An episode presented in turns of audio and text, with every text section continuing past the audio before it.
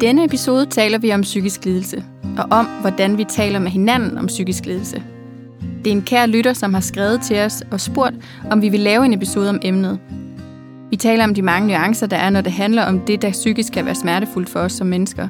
Vi taler om, hvorfor manglende forståelse for andre nogle gange bunder i, at der er noget i os, vi synes, der er svært. Vi taler om at se bag diagnoser, som i virkeligheden siger utrolig lidt om det menneske, vi er. Vi taler om at finde ensomhed og kærlighed til menneskers forskelligheder frem. Velkommen til, kære menneske.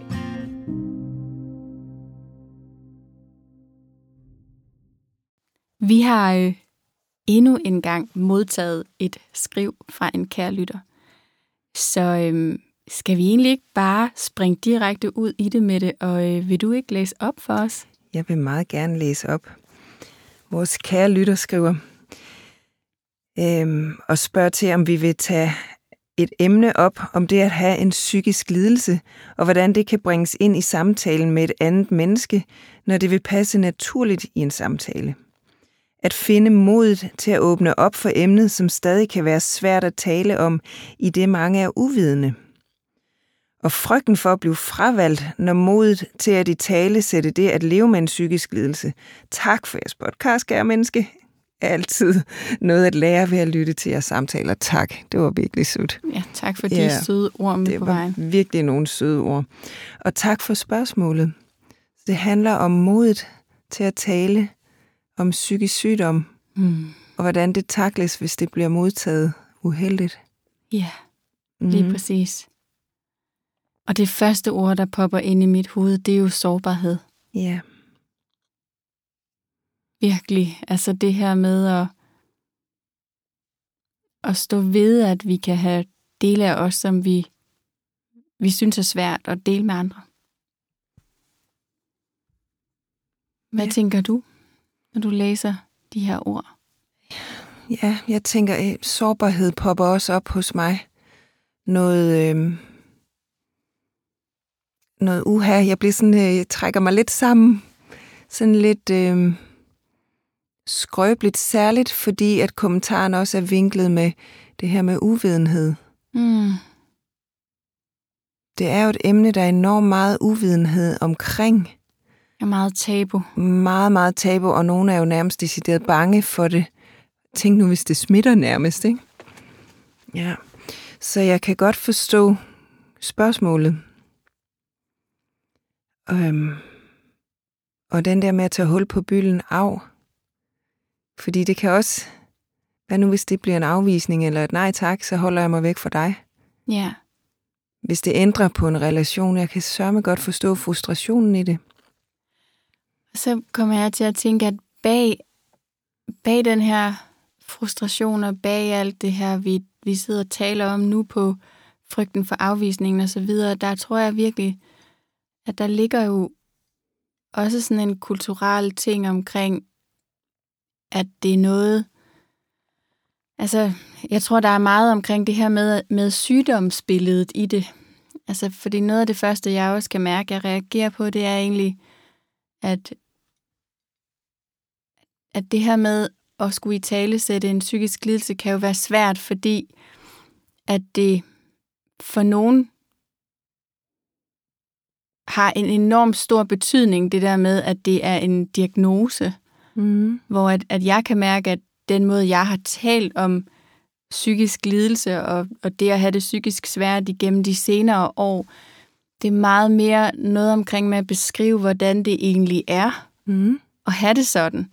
Så det er jo ingen hemmelighed. Jeg har talt tusind gange om det at, at leve med angst, Mm. men jeg taler jo tit om det som det at leve i en bange krop, for eksempel. Mm. Så jeg tror, at det, jeg har gjort i forhold til det, det er at, det er at finde måder at i tale sætte det på, som også virker lidt afvæbnende på andre. Fordi at, at de fleste kan jo godt forstå, når det at være en bange krop, jamen okay, altså det, det er på en eller anden måde ikke sådan noget mystisk noget. Så jeg ved ikke, om det på nogen måde kan være hjælpsomt for vores lytter, men det der med måske at være nysgerrig på, men hvad betyder det for mig i min dagligdag? Mm. Øhm, det kunne for eksempel også være, jamen min krop er bare mere træt end andres, hvis det er et af de symptomer, som er der meget, eller altså det der med at, at finde ord, som måske er afvæbnende og, mm. og ikke kræver så meget forklaring, hvor hvis man, hvis man udtrykker det i en diagnose, så er det måske sværere for nogen at forstå, fordi de føler, at de skal forstå det på en anden måde. Mm. Så jeg har oplevet, at, at det har været både nemmere at få sagt ting højt nogle gange omkring det at være i en bangekrop. Øhm, jeg siger også nogle gange, at jeg er et ængstligt gemyt. Yeah. Så jeg tror egentlig, jeg har fundet noget, der for mig føles kærligt, når jeg siger det højt. Yeah. Fordi så er det nemmere at sige til folk, du skal ikke tage dig af mig, jeg er bare et ængstligt gemyt, eller Yeah. et eller andet. Ja, eller når du Som- siger, du er et æsel. Åh, oh, jeg elsker Ja. den. Ja, som Ja. er den der mere melankolske side, Ja. som, som jo også bor i mig, og som jeg tror hænger meget sammen med det med at være et ængstligt gemyt. Ikke? Mm. Så det der med at i tale sætte de sider af os, som er svære, uanset om det så tilfældigvis er et, en række symptomer eller billeder, som kan passe ind i en diagnose, der på et tidspunkt er blevet skabt. Mm. At vi kan jo tale om det ved egentlig bare at beskrive, hvordan vi har det. Mm. Det synes jeg var en rigtig, rigtig fin måde at gøre det på. Også fordi en diagnose kan tit være meget skældsættende. Så kommer det til at handle om, om en diagnose, og sådan en, der er sådan. Ja. Det kommer til at handle lidt om syg eller rask. Ja. hvor det for mig er, er i virkeligheden enormt sekundært, fordi det handler meget mere for mig om, om mennesket. Mm. Og det andet er jo egentlig bare et, det er jo noget, der er på et tidspunkt blevet opfundet, fordi at man fandt ud af, at det var smart, hvis fagpersoner øh, kunne kalde det symptombillede noget særligt. Mm-hmm. Og så har man samlet forskellige symptomer og kaldt det noget forskelligt. Mm. Så i virkeligheden, når man kigger ned i de psykiske lidelser, og der hvor vi har diagnoser for mange ting, så rigtig, rigtig mange symptomer går igen i rigtig mange Ja. af de forskellige diagnoser. Ikke? Så jeg, ja. jeg, jeg har det altid sådan meget blandet med diagnoser, fordi jeg også har, har set, at det for nogen kan have en enorm negativ konsekvens. Mm. Så jeg ved ikke, om det er det, lytteren også spørger lidt ind til i forhold til det her med, hvad hvis det ikke bliver modtaget ja. nænsomt nok, eller, eller hvad kan man sige, med forståelse. Ikke? Mm. Så, så det, det er bare nogle af de første tanker, jeg får, det der med at, at kigge lidt ud over diagnosen, men komme med en beskrivelse mere af, hvordan, hvad er det så for en betydning, det har? Hvad, hvad siger det Mm. om hverdagen, og, og hvordan man navigerer i livet? Ikke? Ja. Det var en meget kærlig og fin måde at ikke at omgås det på, det vil jeg ikke sige, men, men benævne det på. Mm. Også fordi en, en diagnose, som du siger, den er jo enormt bred, fordi den skal fagne hele spektret fra A til Z, ikke? Jo. Og det er jo enormt stort. Og hvor, altså, er man ved at spasse helt ud af den, eller har man bare noget, der... Eller, altså, det er jo nuanceret, hvor man ligger henne. Ja, og vi har jo alle sammen nuancer af det. Altså jeg kan huske, da vi på psykologistudiet skulle have om personlighedsforstyrrelser for eksempel, ikke? Mm. så sagde vores underviser også, nu skal I, I, skal ikke, I skal ikke blive forskrækket, når I nu kan genkende jer selv i alle sammen. Mm. Og det kan man jo, fordi at de jo al, det, er jo, det er jo alle de her ting er jo noget, der er i os alle. Mm. Mm. Så for eksempel angst. Vi kender alle sammen følelsen af at være bange. Mm. Men, men så kan man sige, så kan det gå over i en tilstand af lidelse, hvis angsten tager så meget over, så det indskrænker livet i en grad, hvor vi ikke længere kan, kan fungere. Ikke? Mm. Og i virkeligheden er det jo også bare det, der gør, at om man får en psykisk øh, diagnose eller ikke, det er jo, hvor- hvordan har jeg det i mit hverdagsliv? Så jeg, jeg vil ikke sige, at jeg lider af angst mere, men angsten bor der i mig, og der må den gerne blive boende. Mm. Altså, så, så det er jo også sådan en, hvordan har vi det med det? Tænker vi de sider af os, som er svære, og som, som måske skaber utrolig meget lidelse i perioder af vores liv? Mm, Giver vi dem plads, og giver vi dem lov til at være der som en del af os? Mm. For jeg tænker tit på, hvilket menneske jeg havde været, hvis ikke at angsten havde boet i mig. Ja. Den kan jeg godt følge dig i, fordi du bruger jo de erfaringer der, Mm. til, eller har brugt det rigtig meget til at hjælpe andre med. Mm-hmm. Mm. Så jeg plejer nogle gange at sige, at det både er en forbandelse, og, altså den største forbandelse og den største gave. Ja. Fordi det er jo også den del af mig, som har gjort, at jeg ret hurtigt fornemmer et rum, for eksempel, at jeg hurtigt kan aflæse, hvad der sker i andre mennesker. Mm. hvad der kan være brug for i enkelte situationer. Mm. Det er jo fordi, jeg har haft et overaktivt nervesystem, der har sagt sådan, oh, vi må heller lige være Ja. ekstra opmærksomme på verden omkring os. Pas på. Pas på. Og det var utrolig bøvlet i mange år. Ja. Men, men nu er det jo bare, altså nu ser jeg det virkelig som en, en god ting, at, Mm. at jeg har de livserfaringer med mig. Ja. Ja, det er jo bare dine advarselstrekanter, der smutter op lidt før Ja. hos Anders. Jeg får sådan et billede af den der, har du set den film, der hedder Inderst Inde? ja, det ja, har jeg får set. sådan et billede af, Skøn. af bange i den. Ja. Det er et utroligt godt billede af, hvordan der er inde i, når det er, at øh, den siger sådan, hov, åh oh, nej, alting går galt nu. ja. Det, den er simpelthen vidunderlig, den der. Hvis I ikke har set den derude, kan jeg lytte, det gør jeg selv den tjeneste. For den beskriver faktisk, vi, har, vi kan jo godt genkende til de fire også, apropos hvad din psykologilærer sagde, ikke også? Mm. Vi kan jo sagtens genkende aspekter i de fire, Ja. i os alle sammen.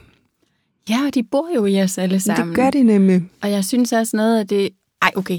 Ingen spoiler. Vi må hellere lade være med at lave spoiler her, hvis nogen nu skal hjem og se filmen. Ej, spoil. Skal jeg spoil? Ja, det er en gammel film. Det er en gammel film. Men det, jeg synes, der er den fineste pointe i den film, det er, at der er brug for alle sammen. Så Ja. alle de dele af os, som vi synes, det var det fineste billede, at den ene figur glæde prøver sådan at få alle de andre til at gå væk og magt nu ret, og nu er det dig, og nu er det dig, og nu må du komme, men ikke nu. Ja. Og det der med, nej, du må ikke ødelægge alle minderne ved at gøre dem blå. Jamen, jo. Fordi nogle gange har vi faktisk brug for at være i kontakt med ligneragtigt de dele af os. Mm. Og i virkeligheden opstår meget af balladen, når det ikke må være der. Ja. Så jeg tror også nogle gange, når vi i tale sætter noget i os, der kan være svært over for et andet menneske, så er det faktisk ikke os, de mangler forståelse for. Så er det mere sider af dem selv, Mm. som er svære at rumme. Ikke? Det tror jeg, du har fuldstændig ret i. Og det er jo også der, hvor det kan være svært at forklare sig, hvis man ikke selv har accepteret den side. Ja. Så første del i, i øh, sådan en samtale her er jo nok ens egen accept af situationen. Ja. Og måske velvidende, at, at sådan som jeg har det i dag, er ikke nødvendigvis helt præcis sådan, jeg har det i morgen. Nej. Og det er også derfor, jeg tror, jeg så godt kan lide det her med at tage, tage diagnosen lidt ud af billedet. Det kan mm. være en fin viden, og for nogle er det super hjælpsomt at have ligesom kunne samle det i et billede og få en forståelse af, når det er derfor, det er sådan her, det er. Det er derfor, at nu kan jeg lige pludselig se, hvorfor det og det og det har været svært, ikke? Mm. Og så lad den, for mig har det i hvert fald været hjælpsomt, og jeg gør det også altid i mit arbejde, ligger det til side. Fordi jeg egentlig, jeg, jeg synes, det er så meget mere interessant, det der med, hvad er det, hvad er det for et menneske? Mm. Så jo mere man kan dele ud af det menneske, man er, jo, jo mere giver man også mulighed for, at andre kan få lov at se en lige præcis med alle de gaver, der er i det menneske, man nu er hver især. Ikke? Mm. Og den var også god at tage med, at dele ud af sig selv. Virkelig. Så bliver det nok også nemmere for andre folk at være i. Hvis det endelig er det, der frygten ligger. At der sidder bare en med hud og hår der foran Mm. et menneske. ja. Ja. Og så tror jeg også, at, at der er noget omkring det der med at... Fordi det kræver et kæmpe mod. Mm. Altså bare det at skrevet det her til os, synes jeg jo er en kæmpe modig ting. Hey, vil I tage det her op? Tale Mm. om det. Mm. Så ja, tak, tak, tak, fordi at, at du har fundet det mod til at skrive til os. Fordi jeg tænker også, at, at noget af det, der jo kan være vigtigt at huske, det er, at, at andres reaktioner rigtig sjældent handler om os. Ikke? Mm. Oha. At kunne skille, skille der allerede, når det kommer ud. Ja, for vi kan ikke styre, hvordan andre de Nej. responderer på os og reagerer på os. Vi kan ikke styre det, Mm-mm. uanset hvor gerne vi vil. Men, men det er klart, at det er jo en mega sårbar ting, når det er noget så personligt, som at vi deler ud af, at, fra det der sådan sårbare i os. Ikke? Mm. Men jeg tænker også bare samtidig, at det er så vigtigt, fordi at hver gang vi tør stå ved alt det, der foregår inde i, så er det jo også en måde, vi hører os selv på, at vi Mm. ser os selv på, og vi Mm. giver plads til os selv på. Ja. Og den er værd at tage fat i. Det er den. Jeg kan ikke lade være at sidde og tænke på det her med, hvordan det trods alt har ændret sig gennem tid, hvordan psykisk sygdom bliver opfattet i forhold til, at, at øh, så har man skulle været spadet inde og bundet op på hænder og fødder, øh, og endda have, have skåret, øh, så man ikke kan reproducere sig selv. Ikke? Sådan har det jo også været tidligere. Mm. Til i dag, at det bliver mere og mere noget, som... Altså, man kender jo dårligt nok efterhånden nogen, der ikke på en eller anden led har fået et psykisk slag igennem livet. Og jeg kan huske, helt tilbage i 90'erne var der en kampagne, jeg har svidt ud, hvor det var fra, det kunne have været Psykiatrifonden, som, som hed, jamen, en ud af fire oplever psykisk sygdom. Mm. En af os, tror jeg, den hed den kampagne. Hed den en af os? Ja, det kan godt være. Ja, den jeg var... husker i hvert fald, at dengang jeg arbejdede inde ved Landsforeningen for Spisforstyrrelser og Selvskade, ja. der delte vi nemlig lokaler med psykinfo, og der lå de der over det hele. Ah, en af os, tror jeg. Ja, ja Nå, sorry. Så, ja, det er helt okay. Men, men en ud af fire, altså det er jo en hver familie, der bliver, der bliver berørt af det. Ja. Og jeg synes, det, den var meget vedkommende for mig, fordi jeg tænker, jamen, det, vi, vi slipper ikke udenom. Vi bliver alle sammen berørt af det på en eller anden led. Måske ikke direkte, men så indirekte. Ja. Og jeg synes faktisk stadigvæk, de gør et stort arbejde for at, øh, nu siger jeg normalisere, det ved jeg ikke, om det er det rigtige ord, men i hvert fald oplyse om, at det findes, og det findes rigtig meget. Og det er ikke noget, vi behøver at være tabu omkring eller bange for. Nej, og jeg tænker altså også, at når man... Altså, jeg ved godt, at det, det godt lyder som om, jeg er lidt af en båndoptager, men, men igen, så tænker jeg også på, jamen, jeg, jeg er bare meget mere interesseret i at tage det ud af individplanet og kigge på, men, men kunne det også være, at vi for eksempel har fået lavet et samfund og arbejdspladser og alt muligt andet, som faktisk gør, at vores psyke har ret dårlige vilkår? Altså, fordi der er bare så utrolig mange ting omkring det moderne samfund og den måde, vi navigerer i livet på, som virkelig ikke er skruet særlig godt sammen i forhold til psykisk trivsel. Mm-hmm. Så, så det er også sådan lidt det der med, altså, når vi, når, der, når vi kan se på alle tal, at der er så meget mistrivsel, måske vi så skulle begynde at kigge et andet sted, end at kigge i individet. Mm. Ikke? Hui, det er en stor opgave. Ja, eller er det? Altså, jeg tænker bare, at de menneskelige omkostninger, der er ved det andet, de er så enorme. Jeg giver dig fuldstændig ret. Hvor tænker du, vi tager fat? Jeg er heldigvis ikke politiker. Nej, præcis. Nej, jeg tænker faktisk, at der, hvor vi tager fat, det er, at vi starter i det små. Mm. Det, er, det er det der med, hvis vi alle sammen prøver at kigge på tingene og tænke, hmm, kunne det være anderledes? Er der noget, vi kunne gøre på en anden måde? Mm. I vores familier, i vores hverdagsliv, i vores er der noget, jeg kan gøre? Og så, ja, så kræver det selvfølgelig, at der også indimellem sker noget strukturelt, men der er jo mange bevægelser i gang, mm. synes jeg, jeg kan se, som handler om, at, at der er nødt, nødt til at ske noget andet. Mm. Hvis vi skal have menneskelig bæredygtighed. Uh, det var et fint ord. Menneskelig bæredygtighed. Jeps, god kampagne. ja, men det vil sige, at, at for at ændre noget strukturelt, så skal vi alligevel ned på individniveau. Jeg tror i hvert fald, at vi er nødt til, at der er mange nok, der stopper op mm. og tænker, hmm, men det kræver altså også, der ligger rigtig meget i vores retorik omkring rigtig meget af den måde, vi taler omkring psykisk lidelse og det at have det svært mm. på mange måder, ikke? Mm. Taler vi for eksempel om den stressramte som værende, at det er den stressramte, mm. der er problemet? Eller taler vi om stress som problemet? Mm. Kulturelt og samfundsmæssigt? Mm-hmm. Der er en enorm stor forskel Ja, på der er det. en kæmpe forskel. Ikke? Ja. Så, så, så man kan sige, det er jo, det er jo det der, den der måde, vi tale sætter ting på, taler mm. om ting på. Hvis vi bliver i fixerkulturen, så bliver det meget på individbasis, ikke? Mm. Altså, jeg kan ikke tælle, hvor mange gange jeg har fået at vide, at det er, fordi jeg ikke har prøvet nok, at min angst ikke er gået væk. jeg, jeg, tror, jeg har nogle gange overvejet at lave en liste over alt det, jeg faktisk har prøvet, og så sige, du må gerne tilføje noget, hvis det er. Ja. Godt være, du skal gå med en lille lommebog, du kan hive frem. men, det er jo, men det er jo igen, så er det jo fordi, at vi bliver jo hele tiden fodret med, hvis noget føles smertefuldt, hvis noget er svært i os, så skal det fikses, så skal det være væk, sådan så at vi kan præstere bedre. Det er jo det, der ligger under neden, ikke? Ja. Så vi kan være gode samfundsborgere. Ja, ja. Og jeg bliver helt træt. Ja. Oh. Jamen, er det ikke interessant, jo. at man bliver... Fordi jeg bliver virkelig... Du ved, jeg kan blive helt rasende, hvis ja. der er nogen, der taler om det der med at blive... Og at noget skal fikses, så man ja. ikke må have det, som man har det. Ja. Men, men jeg tror, der er noget vigtigt i den måde, vi taler om tingene på. Ja. Hvordan er det? Og der kan vi alle sammen være opmærksomme. Mm. Vi kan være opmærksom på, køber jeg ind på den fortælling om, at nu er der noget, der skal fikses igen? Mm. Eller sætter jeg mig ned og faktisk prøver at, at forstå, hvad er mennesker for en størrelse? Mm. Hvordan er det, vi mennesker er bygget? Hvordan fungerer vi?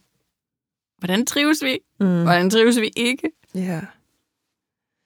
Ja, men det, det er noget af en opgave, og, fordi der er jo nogen, det bare slet ikke interesserer. Og, altså den type ting der. Mm. Og der er jo nogen, der vidderligt gerne bare vil fikses. Nu sætter jeg mig her, indtil du fikser mig. Så den, den bor jo også på individniveauet. Ja, men hvorfor gør den det? Ja, hvorfor? Det er nemlig det, der er interessant. Hvor, hvor tillærer vi os det? Er det skolerne, der skal have opgaven? Eller hvor langt tilbage skal vi kigge? Men prøv at tænke, hvor dejligt det kunne være, hvis det var et fag i skolen. Hvordan man behandler hinanden? Nej, det lærer de. Men vi lærer ikke, hvordan vi behandler os selv. Vi os lærer selv? ikke, hvordan vi kan forstå vores egne følelser. Ah, ja, det, oh, det ville være smukt, at den mm. kom og holde dig op. Nej, hvor ville det være. Det er det. Det der. den, der kan vi sætte ind. vi lærer simpelthen ikke, hvordan vi kan forstå vores egne følelser, og det er jo også derfor, vi kan komme til at tro, at de er forkerte. Ja. Vi kan komme, tro, komme til at tro, at vi er de eneste, der har det på den måde. Mm. Og i virkeligheden er det bare menneskefølelser, yeah. som er så bøvlede og svære at adskille, særligt når vi ikke vil kigge på dem mm. og mærke dem. Mm.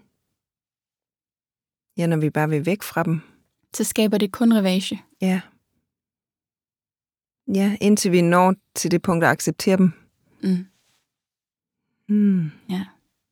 Så jeg tror, på sådan et større plan, ville den del også være hjælpsomt i forhold til modtagelsen af, når andre så deler ja. noget svært, ikke? Fordi ja. vi vil vide, at det er en kæmpestor del af det at være menneske også. Mm. At menneskeliv kommer i mange udgaver. Vi har forskellige oplevelser og erfaring med os. Vi er født ind i forskellige familier. Vi øh, blander tilfældigt i forskellige klasselokaler. Mm. Der er ikke noget af det, vi selv vælger. Mm-mm. Vi har simpelthen ikke valgt, jeg vil gerne gå i den her klasse, hvor der er utrolig meget bøvl. Nej. Vel? Nej. Eller, altså, og, så vi har jo alle sammen de der fortællinger med os. Der er ingen af os, der har valgt, hov, jeg vil godt være den, der bliver ansat et sted, hvor der lige er, sker et væbnet røveri. Eller hvad folk kan være udsat for. Mm. Altså, der er jo ingen af os, der vælger de der ting, som sker i livet. Så ved jeg, at der måske sidder nogen derude, som er spirituelle, som vil tænke, jo, vi gør. Mm. Men jeg plejer at sige sådan, i hvert fald ikke bevidst. Nej. Eller? Nej. Ikke i den her menneskekrop, i det her menneskeliv, har vi bevidst rakt hånden op og sagt, jo tak, giv mig hele muligheden. Nej. Så vi er jo nødt til at forstå, at vi, vi bliver formet af mange tilfældige ting. Og når vi forstår det i os selv, så kan vi altså også bedre forstå det i andre. Mm. Ikke? Og jo, det men ikke... den er faktisk også interessant, den der med miljø og med arv. Faktisk også i forhold til psykisk sygdom. Hvor meget af det arver vi egentlig ned? Eller hvor meget af et, ja, omstændighederne, det vi omgiver os med, det vi bliver omgivet med, der former os i den retning? Altså, jeg tror i virkeligheden, at altså, den dialog har jo været der i psykologien forever. Mm. Har, er der nogen, nok, der har fundet nogle kloge svar? Nej, det er nok en kombination af mange ting. Altså, jeg plejer nogle gange at sige det sådan, at, at jeg ser det som sådan nogle forskellige baljer, vi får med os. Og vi ved også i dag, at vores gener for eksempel kan tænde og slukke alt efter, hvad miljø vi er i. Så vi kan godt være født med en genpulje, øh, og lad os sige, at, at vi kan være født med en genpulje, der bonger ud på øh, lad os bare sige bipolar lidelse, mm. det man tidligere kaldte maniodepressiv, mm. så kan der være nogen, hvor livsomstændighederne tilfældigvis gør, at det bonger ud, mm. at genet bliver tændt for, mm. og så er der andre, hvor det bare aldrig bliver aktiveret.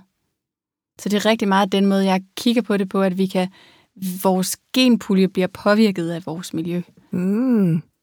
Så, så nogen har en pulje med af gener, og nogen har en anden pulje med, og nogen har en tredje pulje med, men det siger egentlig ikke rigtig noget om, hvorvidt det bonger ud eller ikke, men mere, og nu kan det godt være, at der sidder nogen derude, der er meget mere nede i forskningen, som vil sige, mere nu det er noget vås. Så det kan være, at øh, der er nogle nuancer i det her, der ikke er helt på plads. Men det er bare rigtig meget den forståelsesramme, jeg bruger, fordi jeg synes, det giver mening. Ja. Plus, at det er dejligt, at vi faktisk så selv har noget, vi kan gøre. Ja. Vi kan faktisk selv putte et miljø ind omkring os, ja. som påvirker vores genetik. Ja. Er det ikke dejligt? Jo, det er skønt, så vi er medskabere. Ja. Vi så vi kan være bevidste om, hvad er det, jeg har fået med mig? Hvordan er det, det har formet mig? Mm. Og så kan vi aktivt tage nogle valg i livet, der gør, hmm, hvordan kan jeg så passe på mig, når jeg nu er her? Mm. For eksempel som et ængstligt gemyt. Mm. Hvad kan jeg så gøre for at passe på mig i min hverdag? Mm. I mine omgivelser? Ja. Yeah. Hvad er hjælpsomt, hvad er ikke hjælpsomt? Det er jo en meget kærlig måde at gøre det på, og gå til det på. Ja.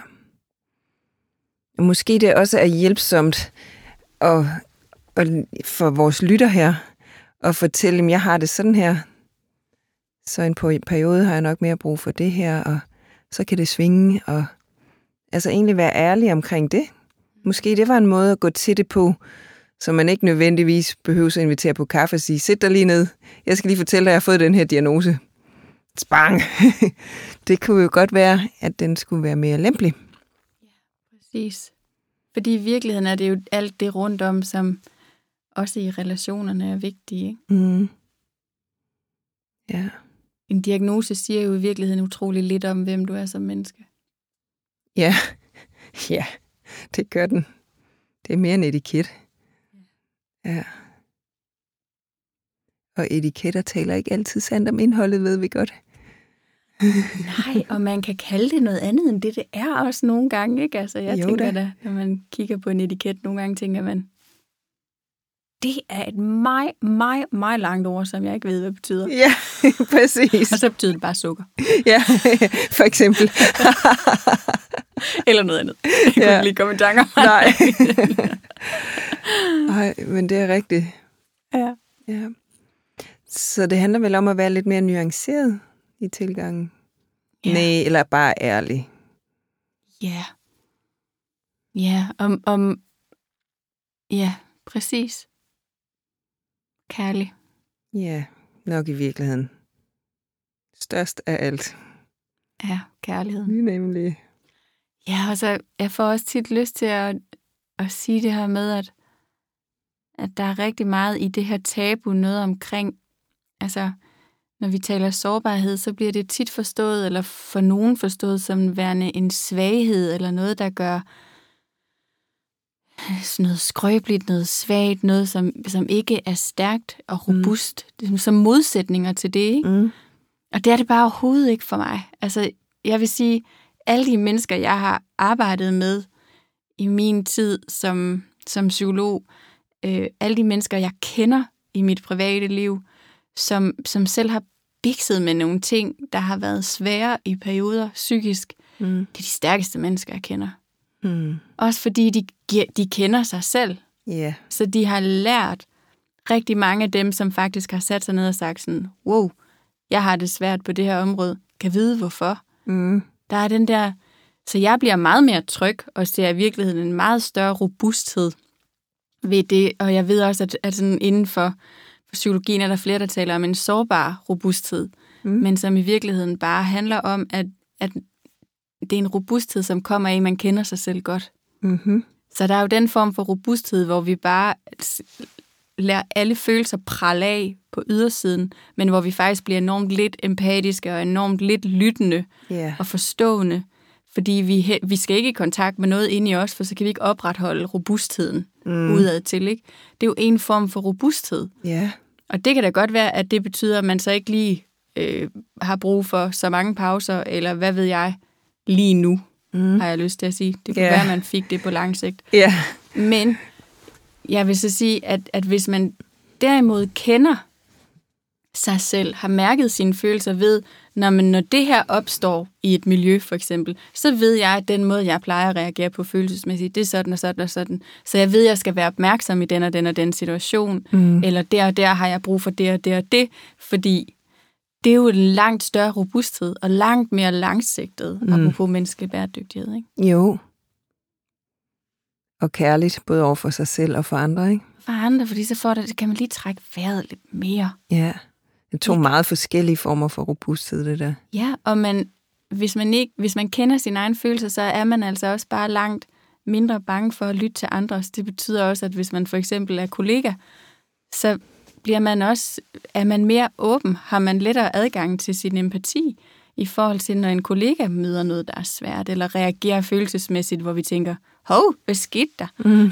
Mm. Ikke? Ja. At i stedet for, at, at det koger over, fordi at så, vi møder bare hinanden som mennesker på en anden måde. ja. Og det er for mig styrke. Ja. Kæmpe styrke. Kæmpe Mhm. robusthed. Mod. Alt det, som, som tit bliver brugt på, på sådan lidt forkerte grundlag, synes jeg. Ja. Ja, men det har du fuldstændig ret i. Jeg talte med en feminist i går. Yay! Yeah. det var meget sjovt, fordi øh, hun talte netop om, at øh, hendes formål, eller der- deres formål, hun havde i hvert fald i sinde at hjælpe med det, det var det her med at få mænd til at indse, eller ikke indse, men, men være opmærksom på deres egne feminine sider, altså at bruge den sårbare side af sig selv, Mm. øh, hvor jeg tænkte, det var, altså, det var egentlig rigtig meget det, du sidder og fortæller lige nu. Det, det var sådan nærmest det samme, hun sagde, bare med feminisme som fortegn. Det er jo egentlig fint, fordi feminisme kan også hurtigt blive meget hårdt og kantet, og ned med mændene og op med damerne, og øh, altså, det kan Ja. virkelig blive den der første form for robusthed, som du beskrev der, ikke? Jo. At, at det bliver en slags hævden af sig selv, og det var slet ikke det, der var formålet. Øhm, og, og jeg vidste slet ikke, at feminisme handlede så meget om mænd, som hende her fortalte mig i går. Øhm, Så spændende. mega spændende. Og jeg tænkte, wow, fordi det kan man jo også blive skræmt over. Hvor skal vi så alle sammen være på en helt bestemt måde? Og det er nok i virkeligheden der, vi går fejl, når vi tror, at vi skal være på en helt bestemt måde.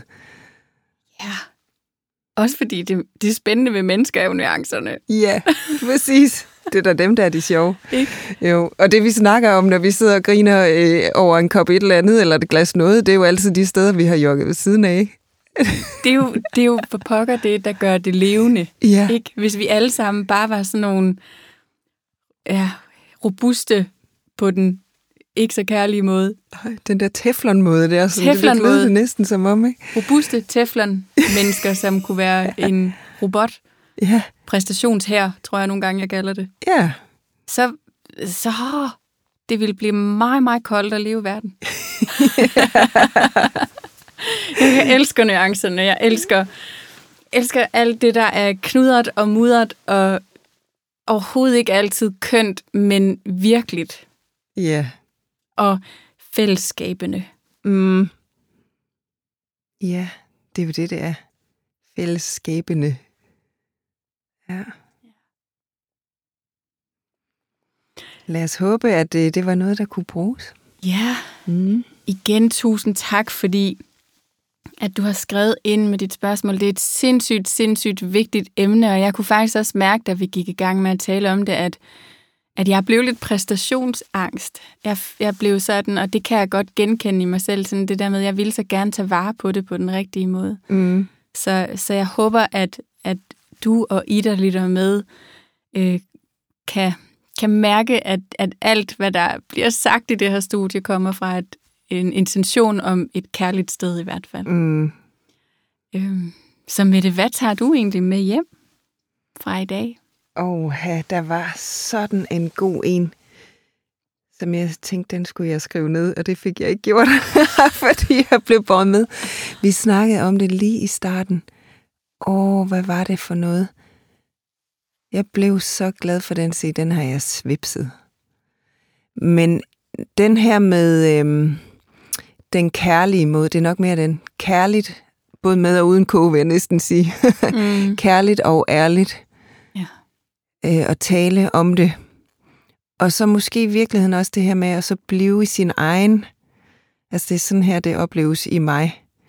Så man behøver jo ikke at pådute nogen en mening eller en holdning. Men mere, ja, jeg tror nok, det er den. Ja, det bliver den, jeg napper med. Mm. Hvad tager du med? Jamen, jeg tager med, at altså sådan en reminder omkring, hvor, hvor vigtigt det er at blive ved med at tale om de her ting og bringe nuancerne i spil. Mm. Øhm, jeg fik den her tanke omkring, at, at hvor er det, hvor skal jeg huske på i mit liv, at når noget føles enormt sort eller hvidt eller rigtigt eller forkert, så skal jeg virkelig være opmærksom og bevidst omkring, hvad er det, der foregår inde i. Hvad sker der i mig? Hvad sker der i, i rummet? Altså for at finde nuancen i det? Ja, for at finde nuancerne, ja. fordi nuancerne er altid til stede, så når vi misser dem, øhm, så er der noget, vi ikke får øje på, eller så er vi blevet alt for meget revet med følelsesmæssigt. Mm. Så det, det var sådan en... Jeg er så glad for, at, at det her spørgsmål eller emne kom til os, fordi det er så vigtigt at blive ved med at tale om, at forstå det på nye måder og fra forskellige vinkler. Og, så det her har jo været vores vinkel på det. Mm. Og jeg ved, der findes mange forskellige nuancer derude. Ja, præcis. Så, så en dyb taknemmelighed for det rum, som vi har sammen her også, og at I derude har lyst til at bidrage til det, det er jeg bare meget glad for. Ja, det er så dejligt, at i lytter vil være med til at skabe det her. Så bliv endelig ved med at komme med forslag og spørgsmål og idéer. Vi tager hjerteligt og åbent imod. Tak for i dag, og tak for dig. Tak for dig.